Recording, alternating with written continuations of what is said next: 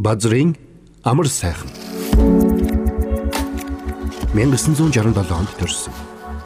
Анагаах ухааны доктор, профессор, анагаахын шинжлэх ухааны үндэсний их сургуулийн эрдэм шинжилгээ, хөгжлийн бодлого эрхэлсэн дэд захирал.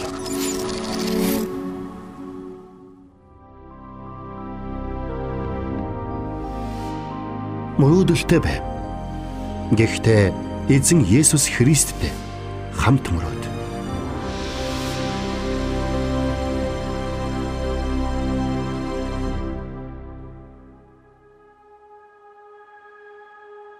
Токио хотын тэр нэгэн өдөш хичээлээ хийгээд сууж байсан Монгол оюутан миний чихэнд гэнэт гайхамшигт хайр хурдан эргээд ирээрэ гих хоёр дуу ихшгэллээ.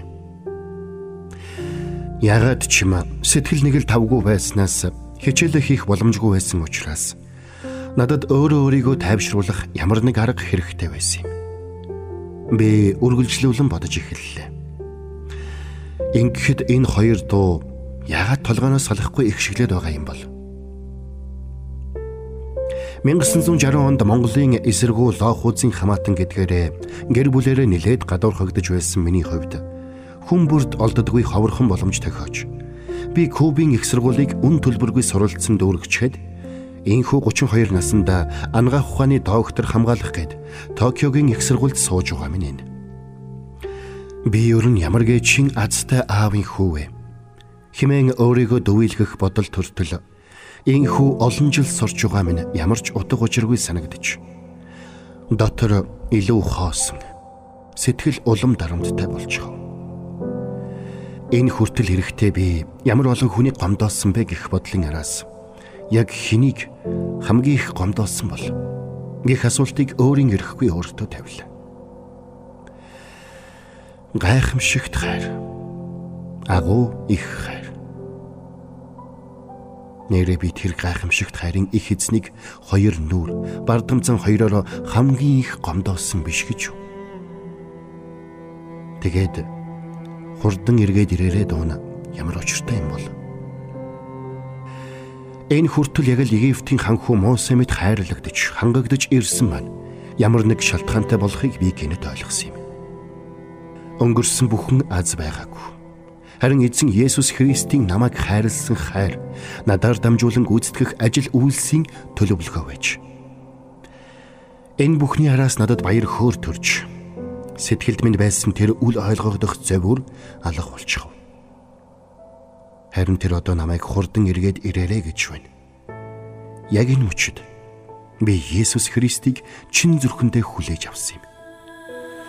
Үнэн дээр би урд нь 7 жилийн өмнө 1992 онд Солонгосын нэртэмч хан хуан сан пастор Ангиос сан химээх илгээлтийн эздээс сайн мэдээ сонсчихсан байсан юм. Харин тэр орой Есүс Христ надад Би чамаар дамжуулан Монголын эрүүл мэндийн салбарт шин зүйлийг хийн гэж хэлсэн юм. Үүнийхээ төлөө өнөөдрийг хүртэл намайг бэлтгэж нийгмийн хүнд цаг үед сайн боловсрол эзэмшүүлжээ. Ингээд би Монголын эрүүл мэндийн салбарт шинэлэг зөвл хийж Бурхны сайн мэдээг бусдад хүргэх харааг түүнээс авч баяр хөөрөөр дүүрсэн юм. Тэр хэлсэндээ хурч надаар дамжуулан Монголын эрүүл мэндийн салбар ялангуяа ангаахын их сургуульд томоохон өөрчлөлтүүдийг хийсэн. 1990 оноос хойш Монгол орн бааз эмнэлэггүй. Эмч мэрэгжилтнүүд сураад төгссөн ч дадлаг хийх орчингүйгээс хөгжих боломж нь хязгаарлагдмал. Ангаахын сургуульд дагуулдaltaй байсан ч төр анхаардаггүй байлаа. Харин энэ үед эзэн Есүс Христ бид хоёр хамтдаа миний нэрлснээр Нихимэ төслийг хэрэгжүүлсэн юм төгсөөд сайн эмч болох гэж эмнэлэг өвчтөн хоёр хайж эмнэлгээс эмнэлэг рүү хөөгдөж явсан шинэ боловсон хүчнүүдэд зориулсан анхны их сургуулийн эмнэлэг нээх мөрөөдөл надад ирлээ. Хэсэг солонгосчууд энэ санааг дэмжин засгийн газраас зээл авч санхүүжүүлэе гэлээ. Харин залбирал дотор дуулууртай байсан надад гадны орноос зээл тусламж авахгүйгээр эзэнт найдсан найдвараар их сургуулийн эмнэлэг байгуулъя гэх бодол төрж тэдний саналаас татгалцсан. Тэр оройд тухайн үеийн улсын их хурлын гишүүн Баяр сайхан над руу гинэт залгаж эмнэлгийн барилгад хөрөнгө оруулалт хийн гэдгийг хэлсэн юм. Ингээд Нехимия Иерусалимын нурсан хэрмийг 54 өдрийн дотор босгож байсан Библийн түүхтэй адил би 500 өдрийн дотор Монгол улсын анхны их сургуулийн эмнэлэг болох нүүр ам судлалын сургуулийн эмнэлгийг хуучин байшингийн суурин дээр босгосон. Мэдээж энэ миний хийсэн зүйл бос.